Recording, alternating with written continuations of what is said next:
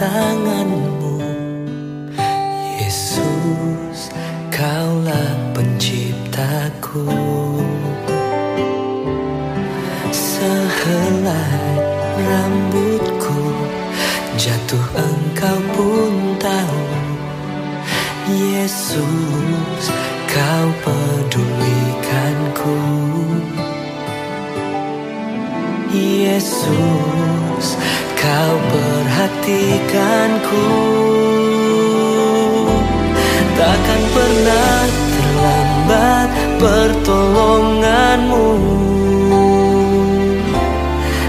Takkan pernah terlelap kau menjagaku Kaulah segalanya yang ku perlu di setiap jalanku. Sebab engkau Allah yang tahu yang terbaik di dalam hidupku. Takkan pernah pertolonganmu. Takkan pernah terlelap kau menjagaku. Kaulah segalanya yang ku perlu di setiap jalanku. Sebab engkau Allah yang tahu yang terbaik. Sebab engkau terbaik. Sebab engkau Allah yang tahu yang terbaik. Hmm, Di dalam hidupku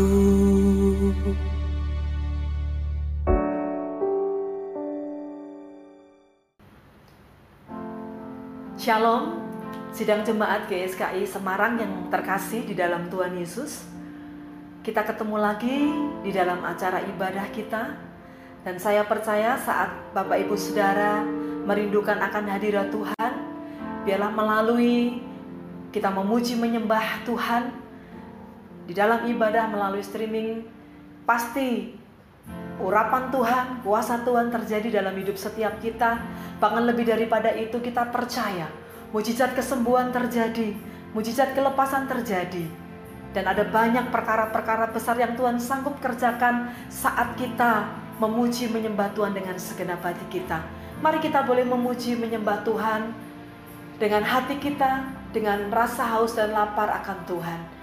Kita mau katakan menyenangkanmu, menyenangkanmu Tuhan di mana pun aku berada dan kapan pun aku berada aku mau menyenangkan hatimu Tuhan terima kasih Tuhan.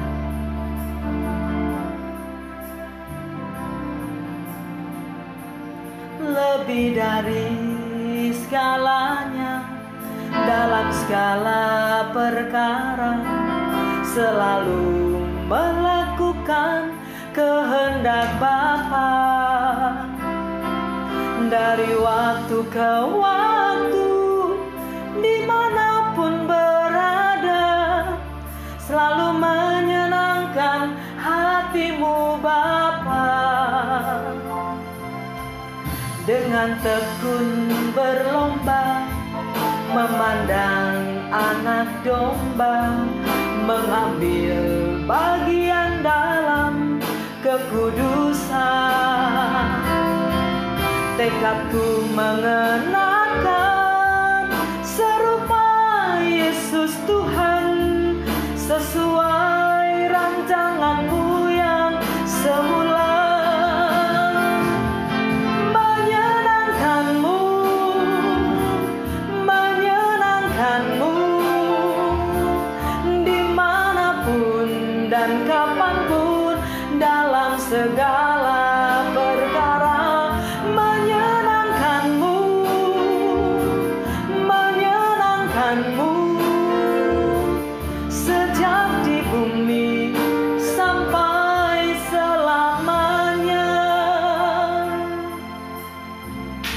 katakan lebih dari segalanya lebih dari segalanya.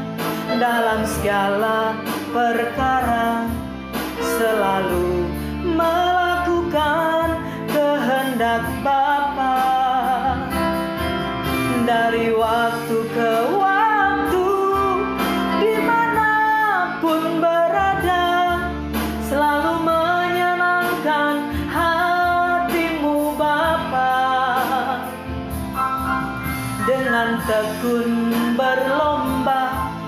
memandang anak domba mengambil bagian dalam kekudusan. Tekadku mengenakan serupa Yesus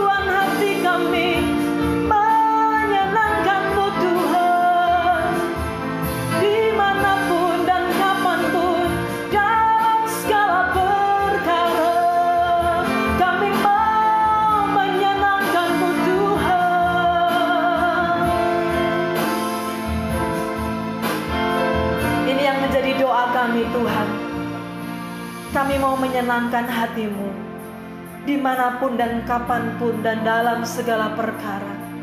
Kami mau menyenangkan hatimu, karena itu Tuhan berikan kami hati yang selalu menyembahmu, merindukan akan hadiratmu. Sebab sesungguhnya sungguh besar setiamu dalam kehidupan setiap kami. Terima kasih Tuhan Bawa kami lebih lagi masuk dalam hadiratmu lebih dalam lagi Tuhan. Thank you Jesus, thank you Holy Spirit. Mari katakan bersama, sungguh besar setiamu. Amen nyata di sepanjang hidupku Darahmu telah layakkan kehidupanku. Tiada kata Tiada kata yang bisa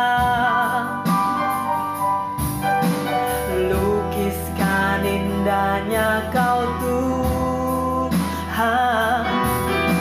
Bagimu segala pujian dan kemuliaan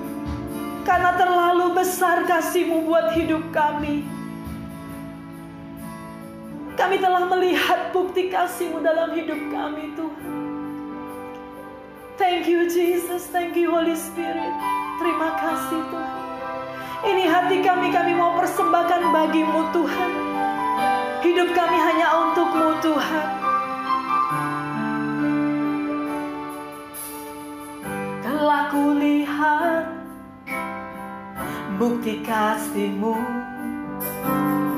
Kau menderita gantikanku. Dengan darahmu Kau selamatkanku.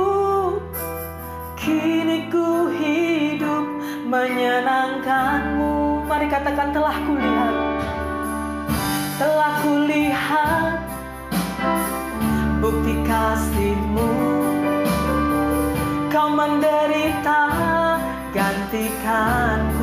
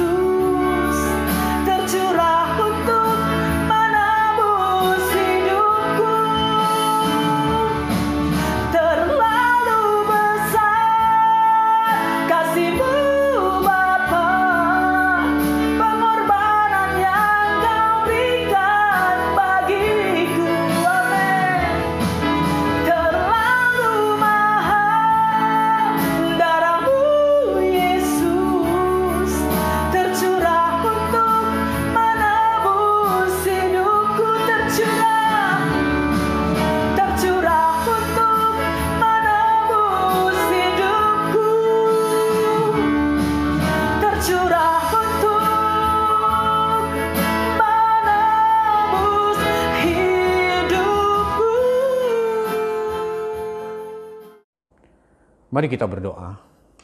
Bapa kami bersyukur, kami berterima kasih pada hari ini kami berkumpul bersama secara online. Kami memberi diri kami untuk menerima sesuatu dari Engkau Tuhan. Tuhan ampuni setiap kesalahan kami, ampuni dosa dan salah kami, supaya kami menjadi pribadi-pribadi yang layak menerima kebenaran firman ini, sehingga hidup kami diubahkan dan kami semakin hari semakin dekat dengan Engkau.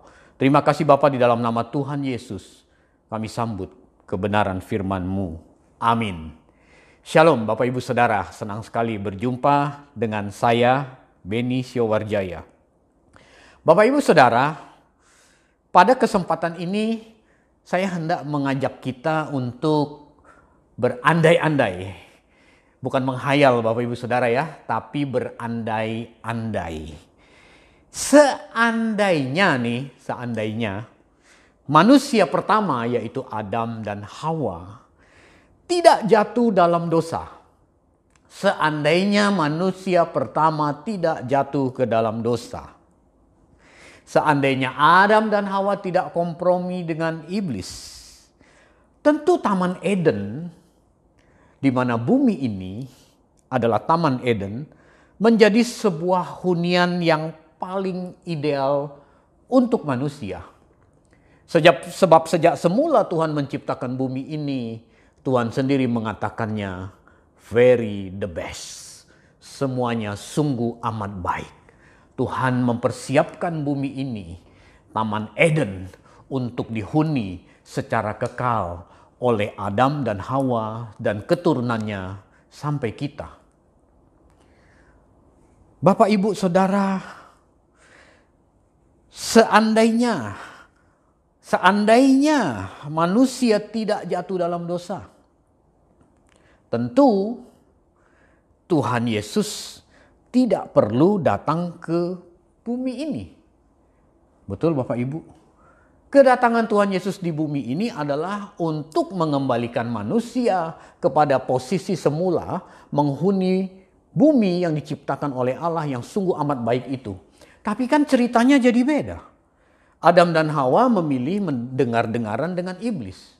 Adam dan Hawa memilih makan buah itu yang justru lu Tuhan larang, itu yang dimakan. Itulah sebabnya seketika itu, sejak Allah mendapati manusia memakan buah yang dilarang oleh Allah, Allah mengutuki manusia dan Allah juga mengutuk bumi ini.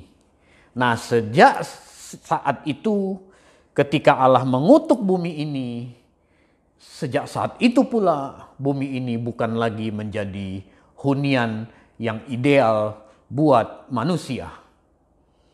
Itulah sebabnya nanti di kitab Wahyu kita menjumpai Tuhan mencipta ulang langit yang baru, bumi yang baru. Yang kualitasnya tentu sama dengan kualitas bumi ini sebelum Adam dan Hawa jatuh dalam dosa. Sebelum Tuhan mengutuk bumi ini. Sejak kejatuhan Adam dan Hawa ke dalam dosa, bumi ini tidak lagi menjadi hunian yang ideal untuk manusia. Maka Alkitab berkali-kali mencatat kita hanya sebagai penumpang. Kita menumpang di bumi ini. Karena hidup kekal kita baru dimulai nanti ketika kita berada di langit baru, bumi baru. Bapak, Ibu, Saudara, Sayang sekali Adam dan Hawa itu memilih dengar-dengaran dengan iblis. Sehingga sejak saat itu mereka mengalami kematian tubuh jasmani. Sebab sejak semula Allah menciptakan manusia itu Allah tidak merancang mereka akan mengalami kematian tubuh jasmani. Allah ingin berkolaborasi dengan manusia secara kekal. Nah, sejak kejatuhan manusia ke dalam dosa, sejak saat itu manusia di diperbudak oleh dosa. Manusia menjadi hamba dosa. Kita buka Alkitab dulu. Kita buka Yohanes 8 ayat 34. Yohanes pasal 8 ayat 34. Kata Yesus kepada mereka, Yesus sedang berbicara kepada murid-muridnya. Aku berkata kepadamu, sesungguhnya setiap orang yang berbuat dosa adalah hamba dosa. Nah, sejak saat itu, sejak manusia pertama jatuh dalam dosa, manusia itu menjadi hamba dosa.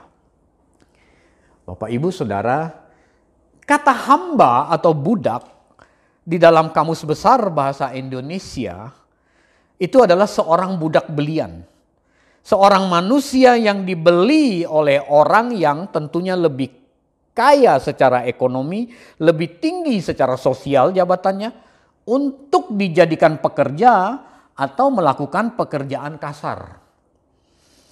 Jadi saya ulangi ya, dalam kamus besar bahasa Indonesia, hamba atau seorang budak belian adalah seorang manusia yang dibeli oleh orang yang lebih kaya secara ekonomi, sosialnya lebih tinggi atau jabatannya lebih tinggi, untuk dijadikan seorang pekerja atau melakukan pekerjaan kasar, bukan bukan pekerjaan halus, pekerjaan kasar. Itu konsep budak dalam kamus besar bahasa Indonesia. Nah, Tuhan Yesus tadi bilang di Yohanes yang kita baca tadi, seorang yang berbuat dosa dia adalah hamba dosa, dia adalah budak dosa. Ini berarti Tuhan Yesus hendak menggambarkan ketika ada orang percaya jatuh dalam dosa atau hidup dalam dosa, dia seketika itu posisinya adalah berada di bawah atau lebih rendah dari dosa. Dia menjadi budak dosa, dia menjadi budak iblis. Posisinya lebih rendah dari iblis. Nah, Bapak Ibu, konsep budak zaman 2000 tahun yang lalu, zaman Tuhan Yesus bicara itu beda dengan konsep budak zaman ini. Jadi begini, latar belakang budayanya disebut budak tuh begini. Kalau ada orang-orang kaya zaman itu, mereka punya usaha, mereka punya rumah besar, mereka punya banyak kambing domba, sawah ladang, mereka harus mempekerjakan orang-orang. Nah, ada orang-orang Yahudi kelas rendah, kelas bawah, miskin yang melamar pekerjaan kepada seorang tuan. Nah, kalau ada tuan menerima seseorang dijadikan budaknya, ini negara mengatur, undang-undang sipil mengatur bahwa budak itu terikat dengan hambanya itu minimal enam tahun lamanya. Jadi nggak boleh kayak di Indonesia. Kalau di Indonesia itu belum setahun pembantu rumah tangga bisa pulang kampung, nanti dia datang lagi dia cari majikan yang lain. Tapi zaman itu beda. Minimal dia terikat enam tahun. Kalau dia sebelum enam tahun dia berhenti, itu ada konsekuensi, ada sanksi. Undang-undang sipil mengaturnya. Jadi dia harus terikat kontrak enam tahun dengan tuan itu. Dan pada tahun ketujuh, tuan itu punya kewajiban untuk melepas budak itu sebagai orang merdeka, sebagai orang bebas. Apabila ada tuan yang tidak melepas budak itu pun ada sanksinya dari undang-undang sipil itu. Ini diatur, nanti Anda baca sendiri di ulangan 15 ayat 12 sampai 18. Nah budak demikian disebut syakir. Syakir itu seorang budak yang menghamba kepada seorang tuan, dia punya keterikatan.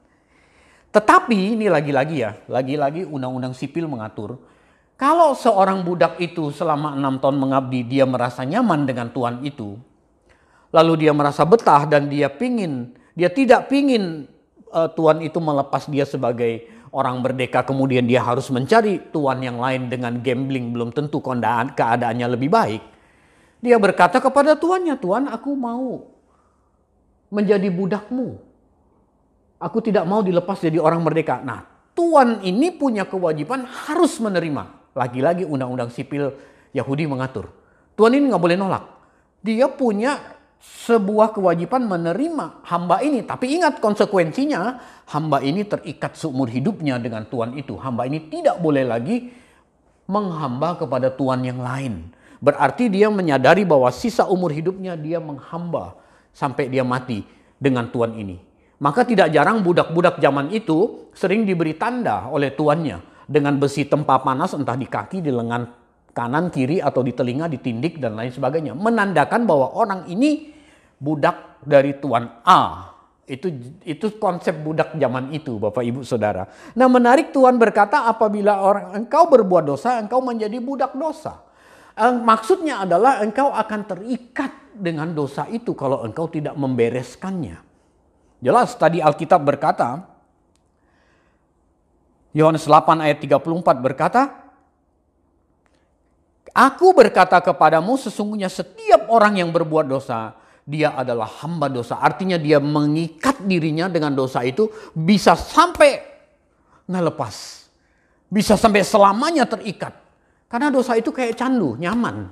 Kayak candu. Nah, itulah namanya orang hidup dalam dosa, Bapak Ibu Saudara. Jadi hati-hati. Terikat dalam waktu panjang dengan dosa. Ini bahaya. Kita memberi diri kita menjadi budak terhadap sebuah oknum yang rendah. Jadi orang percaya yang berbuat dosa itu sama dengan orang percaya yang posisinya lebih rendah dari iblis karena dia membudak kepada iblis. Kelihatannya sederhana sih cuman buat dosa nanti juga minta ampun tapi hati-hati di mata Tuhan itu orang demikian lebih rendah dari iblis. Dosa atau iblis menjadi tuan atas manusia secara umum ketika Adam dan Hawa jatuh ke dalam dosa. Ini berarti manusia melakukan kehendak iblis. Karena yang namanya budak itu lebih rendah dari tuannya dan dia haknya dicabut. Namanya budak itu nggak punya hak lagi. Haknya dicabut habis oleh tuannya zaman itu. Nah, ketika Tuhan bilang hamba dosa, hak manusia itu dicabut. Yang tadinya mulia karena segambar dengan diri Allah, hak kesegambarannya dicabut, dia menjadi budak yang rendah. Karena dia melakukan kehendak iblis. Itulah sebabnya manusia yang terpisah dari Allah disebut kehilangan kemuliaan Allah. Roma 3 ayat 23. Manusia yang tadinya mulia karena segambar dengan Allah menjadi budaknya oknum yang paling rendah di mata Allah. Bayangkan betapa rendahnya manusia yang dikuasai oleh dosa. Dia kehilangan segala haknya dan dia kehilangan kesempatan untuk menjadi segam, serupa dengan gambar diri Allah. Padahal dia diciptakan, manusia diciptakan segambar dengan Allah. Dan oleh progresivitas dan pengenalan akan Tuhan, manusia diharapkan mencapai keserupaan dengan diri Allah. Tetapi karena dosa, manusia kehilangan kesempatan itu. Nah, supaya manusia kembali menjadi mulia seperti semula, supaya manusia memiliki kemampuan berkembang menjadi serupa dengan gambar diri Allah. Tuhan Yesus datang 2000 tahun yang lalu ke atas muka bumi ini. Tuhan Yesus hendak melepaskan umat manusia dari perbudakan dosa. Ini berita luar biasa Bapak Ibu Saudara. Ini kabar gembira, kabar sukacita. Inilah inti dari Injil bahwa kedatangan Tuhan Yesus dia hendak mengembalikan manusia kepada rancangan Allah semula. Bapak, ibu, saudara, Tuhan Yesus datang menawarkan kemerdekaan sejati dari dosa. Manusia yang terikat, manusia yang menjadi budak dosa, menjadi budak iblis. Sekarang Tuhan Yesus datang, Tuhan Yesus menawarkan kemerdekaan sejati. Ia datang menawarkan kebebasan dari cengkeraman kuasa gelap. Ia datang hendak mempertemukan kembali manusia dengan Tuhan yang benar, yaitu Allah Bapa di surga. Dia memulihkan hubungan manusia dengan Allah Bapa di surga. Ah, inilah berita sukacita. Inilah keselamatan. Keselamatan tidak sekedar bicara soal kalau mati nanti terhindar dari neraka lalu boleh masuk surga. Itu lebih tepat disebut buah dari sebuah keselamatan. Tetapi keselamatan sesungguhnya bicara soal bagaimana Tuhan mengerjakan. Tuhan membeli kita dari kuasa kegelapan. Tuhan menukar kita dengan darahnya yang mahal. Supaya kita memiliki sebuah kesempatan hidup lagi bersama Tuhan di langit baru, bumi baru. Karena bumi ini telah dikutuk Tuhan pasca kejatuhan manusia pertama ke dalam dosa. Tuhan Yesus menawarkan kemerdekaan sejati dia hendak membawa umat manusia kembali berjumpa dengan sang tuan, sang majikan yang sesungguhnya.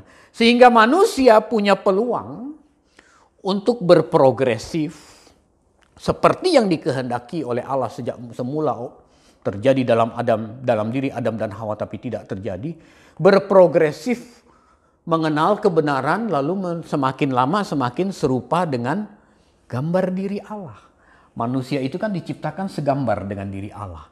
Keserupaan dengan diri Allah itu menjadi tanggung jawab manusia melalui pengenalan akan kebenaran firman terus berprogresif bertumbuh bertumbuh sampai serupa dengan gambar diri Allah. Kita buka Roma 8 ayat 29. Roma pasal 8 ayat 29. Roma 8 ayat 29 Sebab semua orang yang dipilihnya dari semula, dari semula itu dari zaman Adam dan Hawa, mereka juga ditentukannya dari semula untuk menjadi serupa dengan gambar anak, gambaran anaknya, supaya anaknya itu menjadi yang sulung di antara banyak saudara. Jadi kedatangan Tuhan Yesus itu menjadi kokoh sulungnya kita. Kita itu mengejar keserupaan dengan gambar diri Tuhan Yesus. Berhubung Adam dan Hawa gagal, kita nggak tahu gambar dirinya kayak apa karena Adam dan Hawa pun gagal. Maka turunlah Tuhan Yesus menjadi manusia. Ah, seperti itulah kita harus serupa dengan gambaran anaknya. Kalau dulu kan harusnya Adam dan Hawa yang mengambil peran ini, tetapi dia gagal. Maka Tuhan Yesus turun. Tuhan Yesus memberikan contoh dan teladan bagaimana gambaran manusia sempurna yang dikehendaki oleh Allah Bapa. Nah, sekarang kita dipenuhi oleh firman, dengar firman, dengar firman, semakin berprogresif untuk mengejar keserupaan dengan gambar anaknya. Ini kan berita luar biasa Bapak Ibu Saudara. Banyak orang keliru dalam melihat hal ini. Banyak orang berpikir asal jadi Kristen, mati masuk surga. Banyak orang sekedar beragama Kristen, ke gereja juga Allah kadarnya. Banyak orang berpikir asal jadi Kristen pasti masuk surga. Banyak orang sebenarnya keliru dalam melihat hal ini. Asal jadi Kristen, asal ke gereja, asal beragama Kristen, atau ke gereja ikut orang tua, udah pasti masuk surga. Oh no. Bapak Ibu Saudara, pemikiran-pemikiran demikian adalah pemikiran yang keliru. Dan justru pemikiran demikian menjadi alat efektifnya iblis untuk kembali memperbudak orang Kristen. Saya ulangi Bapak Ibu Saudara, justru pemikiran-pemikiran yang demikian menjadi alat efektifnya iblis untuk kembali memperbudak orang percaya yang sebenarnya sudah dimerdekakan oleh pengorbanan Tuhan Yesus di atas kayu salib. Bapak, ibu, saudara, pemikiran-pemikiran ini justru membawa orang kembali memberi dirinya diperbudak oleh iblis. Padahal yang namanya keselamatan itu harus dikerjakan dengan takut dan gentar. Kita buka Filipi 2, Filipi 2 ayat 12 dan 13. Filipi 2 ayat 12 dan 13 demikian firman Tuhan. Hai saudara-saudaraku yang kekasih, kamu senantiasa taat karena itu tetaplah kerjakan keselamatanmu dengan takut dan gentar Bukan saja seperti waktu aku masih hadir, tetapi terlebih pula sekarang waktu aku tidak hadir. Ini maksudnya hadir tidak hadir ini Paulus nulis surat ini ketika dia di penjara di kota Roma. Jadi dia menulis surat ini untuk jemaat di kota Filipi. Jadi maksudnya baik aku hadir itu waktu ada Paulus maupun waktu tidak ada Paulus, keselamatan itu harus dikerjakan. Jangan ada bapak gembala, kita kelihatan taat, hari minggu kelihatan taat, tapi hari lain nyolong. Itu maksudnya Bapak Ibu Saudara. Ayat 13, karena Allah lah yang mengerjakan di dalam kamu baik kemauan maupun pekerjaan menurut kerelaannya. Nah kalau kita mencermati kedua ayat ini, kita akan mendapati ada dua kata kerjakan. Di ayat 12, Paulus berkata, kerjakan keselamatanmu dengan takut dan gentar. Paulus meminta jemaat untuk mengerjakan keselamatannya. Di sini Paulus menggunakan atau Alkitab bahasa asli bahasa Yunani menggunakan kata katergaseste. Katergaseste itu artinya adalah to accomplish, to perform, to walk out atau to achieve. Memang benar-benar keselamatan itu harus dikerjakan. Katergazeste, to walk out, to achieve, mencapai, dicapai. To walk out, to perform. Keselamatan memang benar harus dikerjakan. Namun di ayat 13, beberapa detik setelah itu Paulus tulis lagi. Karena Allah lah yang mengerjakan, bukan kamu. Membingungkan Bapak Ibu Saudara loh. Tadi katanya suruh kita mengerjakan. Jemaat suruh dikerjakan mengerjakan keselamatan. Tetapi di ayat keselamatan Allah yang mengerjakan. Bapak Ibu Saudara, Alkitab bahasa asli menggunakan kata di ayat 13 ini bukan katergeseste, tetapi energeo. Energeo berarti to give power, memampukan. Karena Allah lah yang memampukan lewat pengorbanan Tuhan Yesus di atas kayu salib, maka kita keselamatan yang sudah kita peroleh yang telah dimampukan oleh Allah itu harus kita kerjakan, harus katergeseste. Jadi kalau kita melihat ayat ini secara dangkal, kita akan berpikir, terutama ayat 13 ini sering dijadikan pembenaran bagi orang sebagian orang Kristen untuk tidak sungguh-sungguh hidup dalam kebenaran. Ah udahlah ngapain sih fanatik-fanatik amat sih lu. Toh Allah yang mengerjakan. Tuh lihat tuh Filipi pasal yang kedua ayat 13. Kan yang, yang mengerjakan Allah. Kenapa kamu harus fanatik? Bapak ibu saudara hati-hati. Allah yang mengerjakan itu di ayat 13 energeo. Allah memampukan. Jadi kita memang harus mengerjakan keselamatan kita dengan takut dan gentar. Bapak ibu saudara, Tuhan Yesus menyediakan. Tapi kitalah yang harus me mengerjakan keselamatan itu. Jadi Bapak Ibu Saudara, Jangan menggunakan Filipi 2 ayat 13 ini untuk mencari pembenaran. Wah ngapain sih lu fanatik amat jadi Kristen?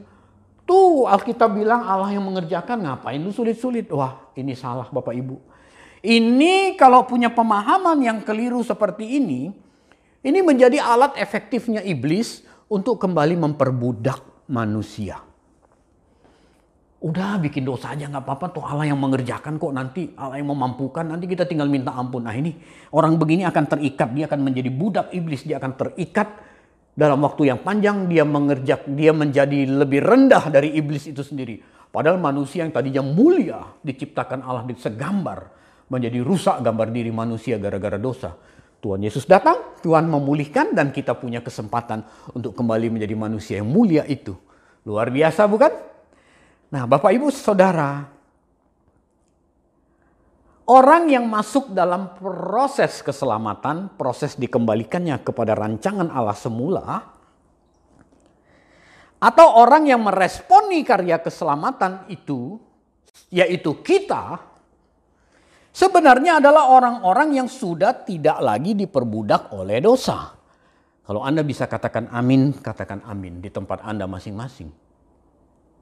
Saya ulangi Bapak Ibu Saudara, orang yang masuk dalam proses keselamatan atau orang yang masuk dalam proyek Tuhan yaitu dikembalikan kepada rancangan semula atau kita yang meresponi karya keselamatan yang sudah dikerjakan oleh Tuhan Yesus di atas kayu salib sebenarnya adalah orang-orang yang sudah tidak lagi diperbudak oleh dosa.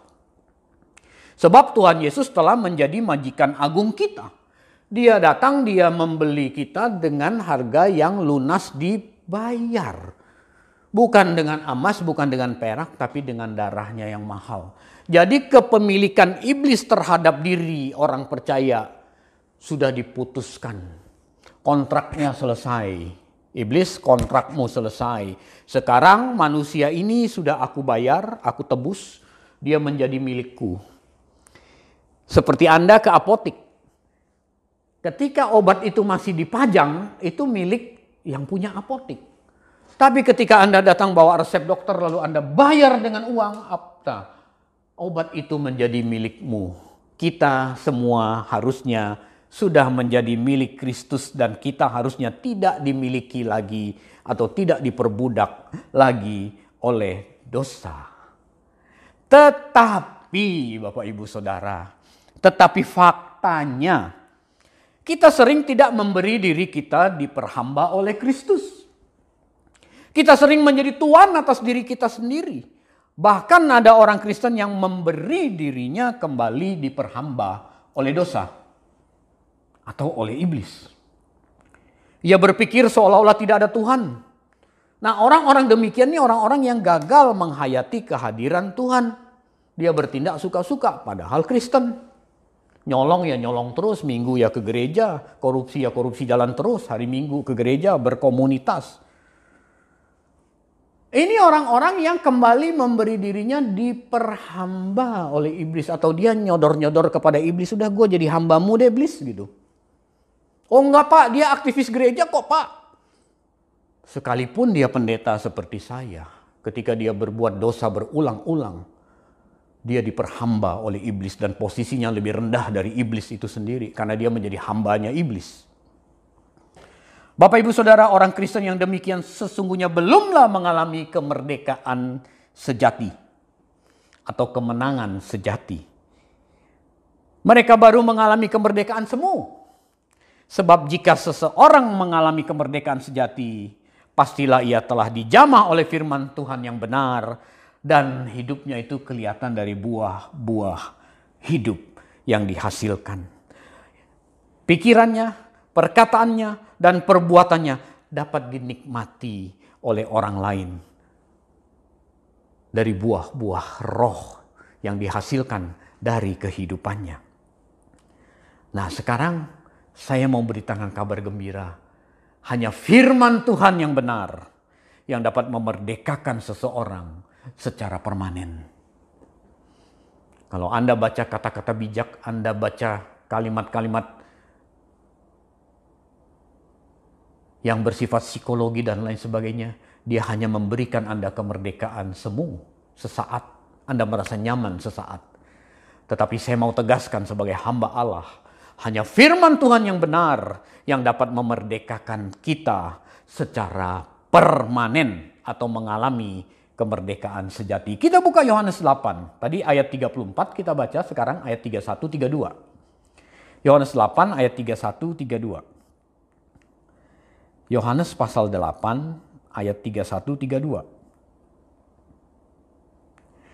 Maka katanya kepada orang-orang Yahudi yang percaya kepadanya. Jadi kepada yang tidak percaya, maaf, ini tidak berlaku. Ini firman yang ngomong. Tetapi Anda mau percaya, Anda kebetulan melihat channel ini, mari kita bergabung. Jikalau kamu tetap di dalam firmanku, kamu benar-benar adalah muridku.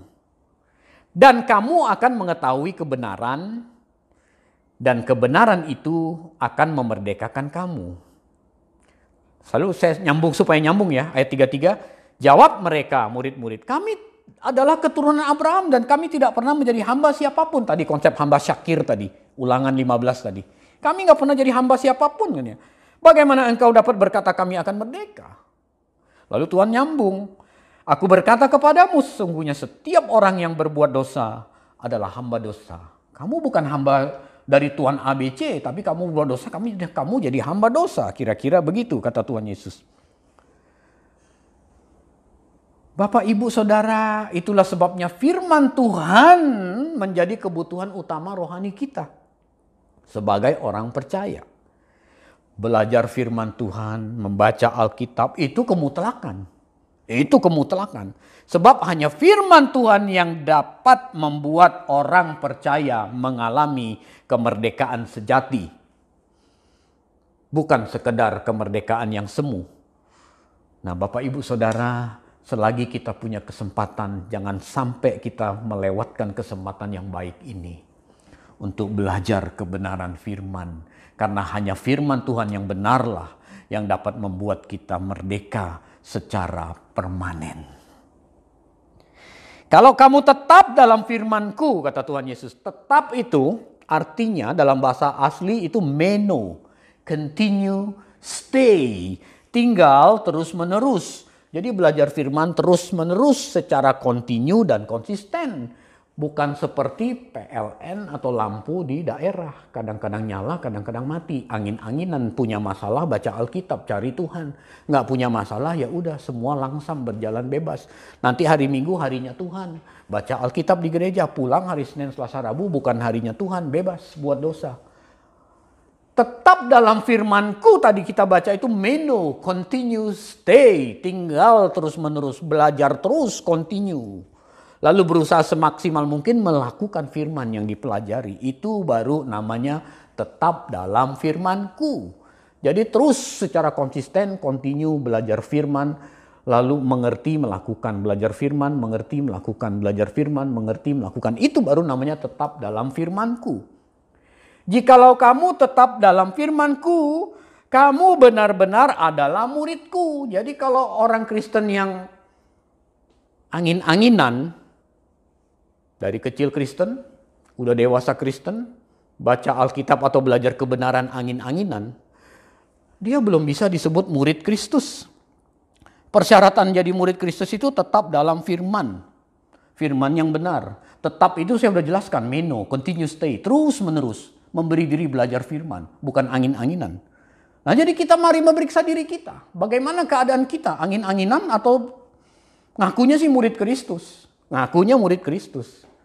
Tapi apakah memenuhi persyaratan Tuhan Yesus? Nah ini yang harus kita pergumulkan Bapak Ibu Saudara. Kalau kita benar-benar murid Kristus, baru kita akan mengetahui kebenaran. Dan kebenaran yang kita ketahui itulah yang kemudian akan memerdekakan kita. Kita tidak terikat lagi, tidak lagi menjadi orang, menjadi budak. Kita akan jadi orang merdeka. Ingat konsep Syakir tadi tahun ke-7 jadi orang merdeka. Tapi kalau kita tidak mengerti firman, kita tidak bisa menjadi orang merdeka. Bagaimana toolsnya nggak ada? Bagaimana mau merdeka? Kita nggak ngerti firman.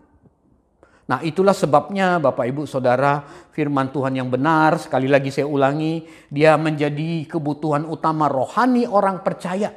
Dia menjadi kebutuhan rohani orang percaya yang utama. Bapak, ibu, saudara,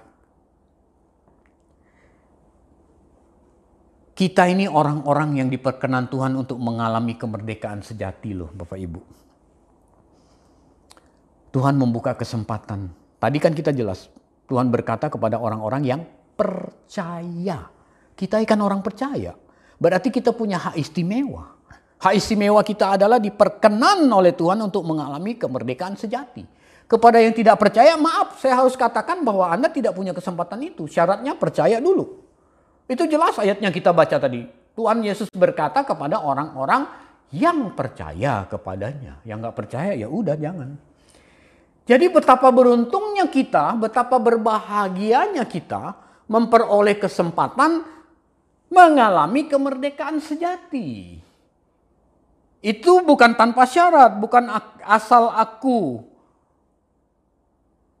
dibaptis selam jadi Kristen udah langsung. Nah, itu harus dikerjakan Bapak Ibu Saudara. Tuhan sudah sediakan, kita dilayakkan. Nah, di dalam Roma 8 ayat 17 kita disebut ahli waris. Kita baca dulu. Ini luar biasa ayat ini. Roma 8 ayat 17. Roma pasal 8 ayat 17.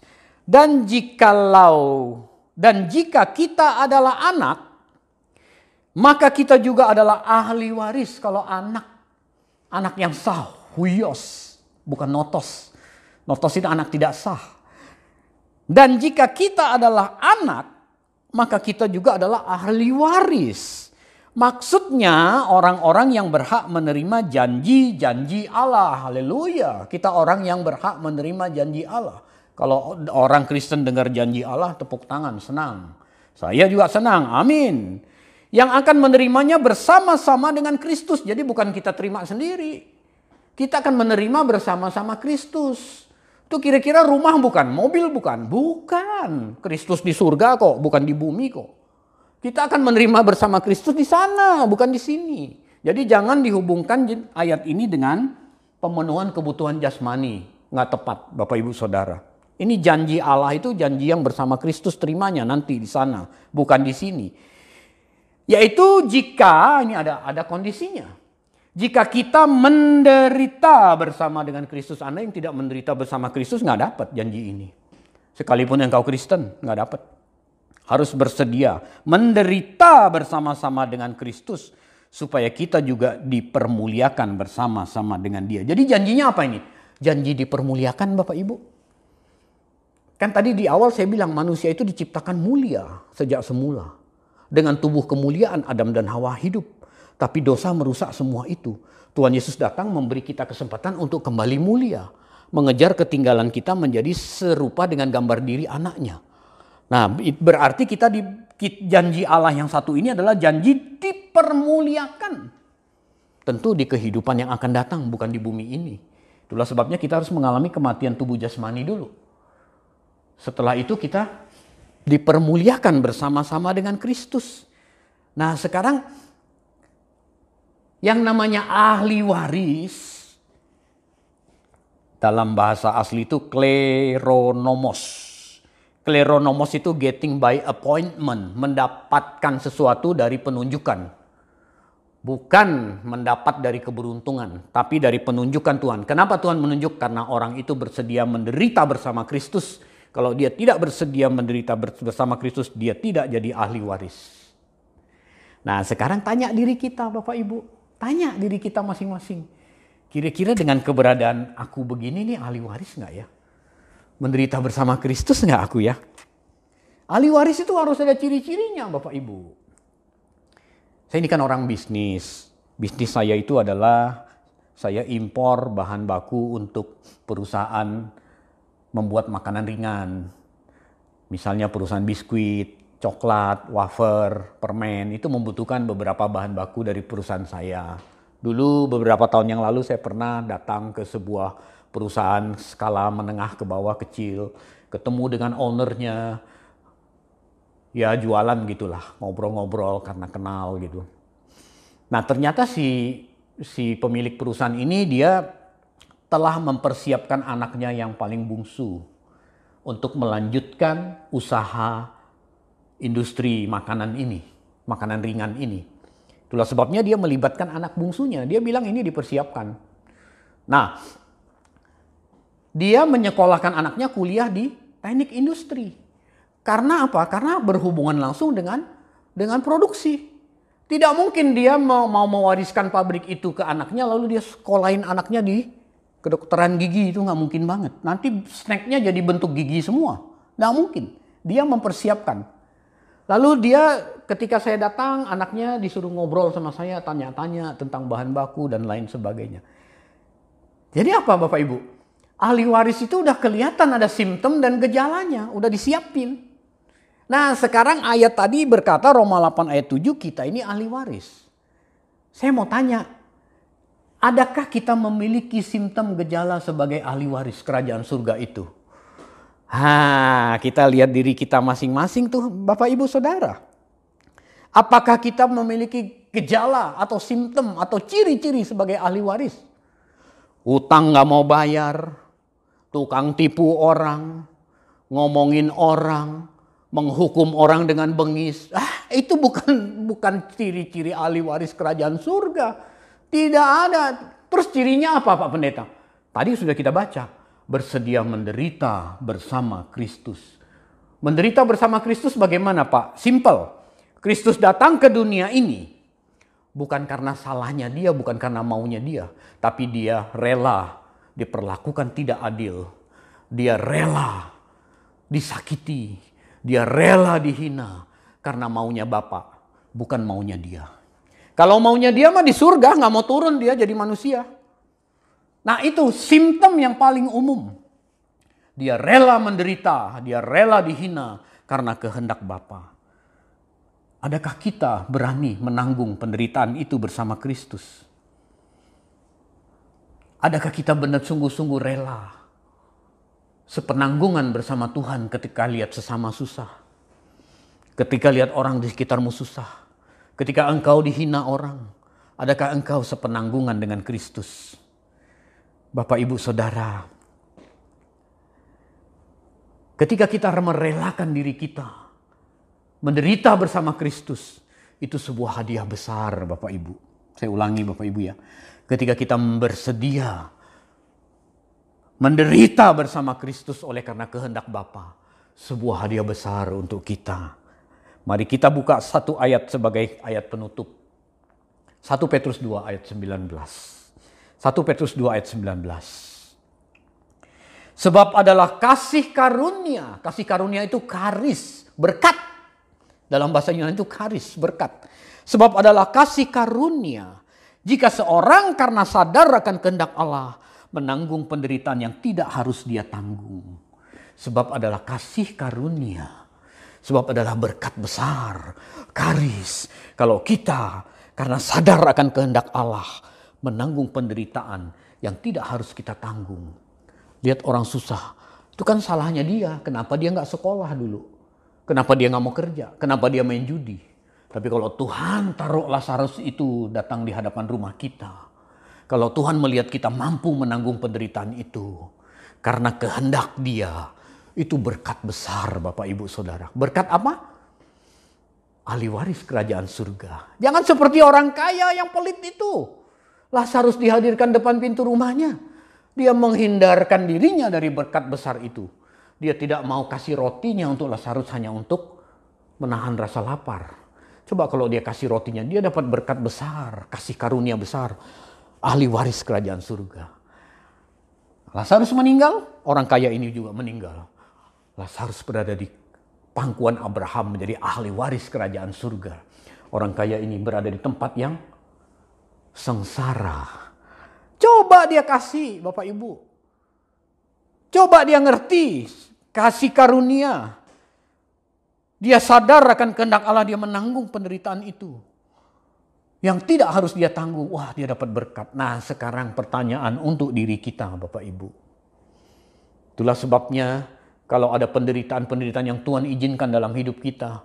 Walaupun sebenarnya kita tidak tidak ada korelasinya langsung kita tidak menanggungnya. Tapi karena Allah menghendakinya. Kalau kita menanggung itu, Allah akan memberkati kita luar biasa. Jangan dihubungkan dengan berkat jasmani di dunia ini. Karena ayat Roma 8 ayat 17 itu berkaitan dengan berkat kekal, bukan berkat di dunia ini. Bapak ibu saudara jangan sampai suatu hari kita menyesal. Karena kita tidak dapat warisan itu. Jangan sampai kita menyesal Bapak ibu saudara. Jangan sampai kita menyesal. Hidup kita tidak lama di bumi ini kata Alkitab 70-80 tahun. Setelah itu kita akan masuk dalam kekekalan abadi. Kekekalan abadi itu ada dua. Hidup kekal atau mati kekal. Nah mulai sekarang kita persiapkan diri kita dengan baik. Kita mempersiapkan diri kita sebagai ahli waris kerajaan surga itu dengan baik. Sekalipun Tuhan tidak memberikan berkat jasmani seperti yang Tuhan berikan kepada orang lain, tidak perlu kita permasalahkan Toh tinggal berapa tahun lagi kita hidup. Mari kita mempersiapkan diri kita menjadi orang-orang yang dimerdekakan oleh kebenaran firman. Sehingga kita tidak mengikat diri kita lagi menjadi hamba. Apalagi menjadi hamba dosa, menjadi hamba iblis. Betapa rendahnya orang percaya yang demikian. Iblis saja sudah rendah, dosa saja sudah perbuatan rendah. Lalu orang percaya menjadi hambanya lebih rendah lagi Bapak Ibu Saudara. Amin untuk kebenaran firman Tuhan. Mari kita tundukkan kepala, mari kita berdoa. Bapak terima kasih untuk firman yang sudah kami dengar. Tuhan tolonglah kami oleh kuasa roh kudusmu. Agar kami memahami firman ini secara tepat. Sehingga firman ini menjadi milik setiap kami. Dan kami mampu mempraktekkan firman ini dalam kehidupan kami sehari-hari. Kami mengambil keputusan untuk melepaskan diri kami dari ikatan oleh ikatan dosa. Dan kami berhenti menghambakan diri kami kepada dosa. Dan kami berikrar, kami berjanji, kami mau menghambakan diri kami kepada Engkau sendiri Tuhan. Karena berkat kekal itu menanti kami. Terima kasih Bapa. Di dalam nama Tuhan Yesus kami berdoa dan mengucap syukur. Amin.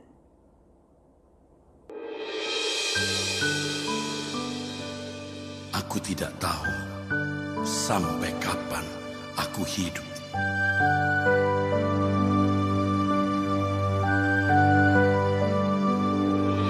Bila selama ini ku belum berkenan di hadapanmu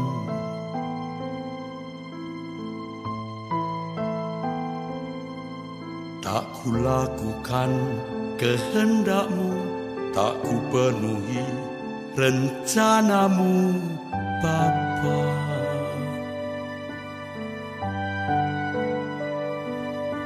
Sampai sekarang ini aku belum menjadi seperti Yesus. Beriku kesempatan sisa waktuku kau ubahkan.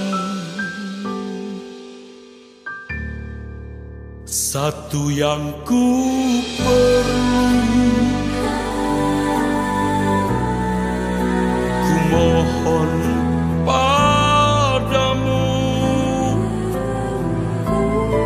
Sempurna seperti Bapa serupa dengan Yesus teladan.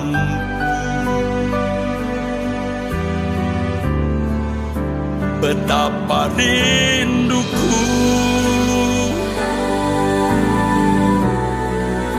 Berkenan padamu. Sampai di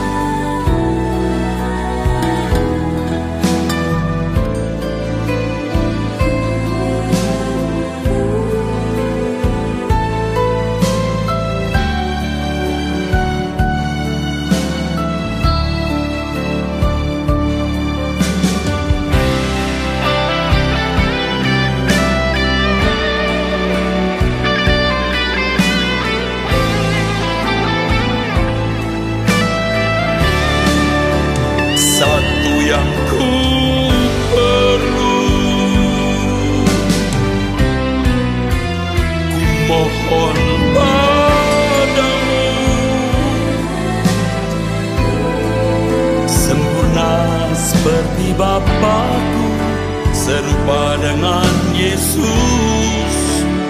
Teladanku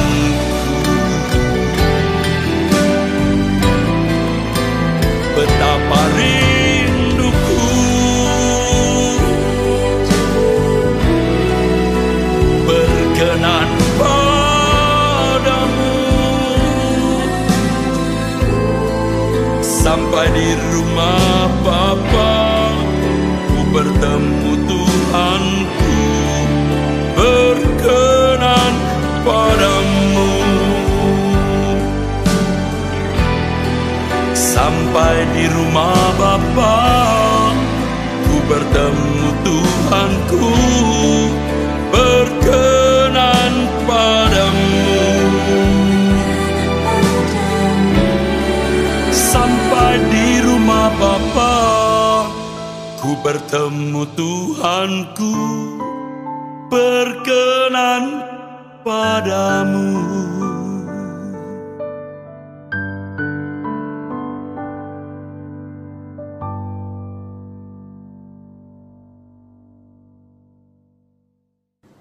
Mari kita tutup ibadah kita dengan doa berkat. Mari angkat kedua tangan Bapak Ibu. Terima berkat yang daripada Tuhan. Haleluya Jesus. Tuhan yang berjanji menyertai kamu sampai kesudahan zaman setia memenuhi janjinya. Sesuai dengan firman-Nya Tuhan akan menyertai kamu di mana pun kamu berada. Oleh sebab itu, angkatlah mata hatimu dengan percaya dan angkatlah kedua tanganmu ke atas dengan iman serta terimalah berkat yang daripada Tuhan. Berkat dari Allah Bapa, kasih sayang dari Tuhan Yesus Kristus dalam persekutuan Roh Kudus menyertai kita sekalian hari ini sampai selama-lamanya. Haleluya. Amin.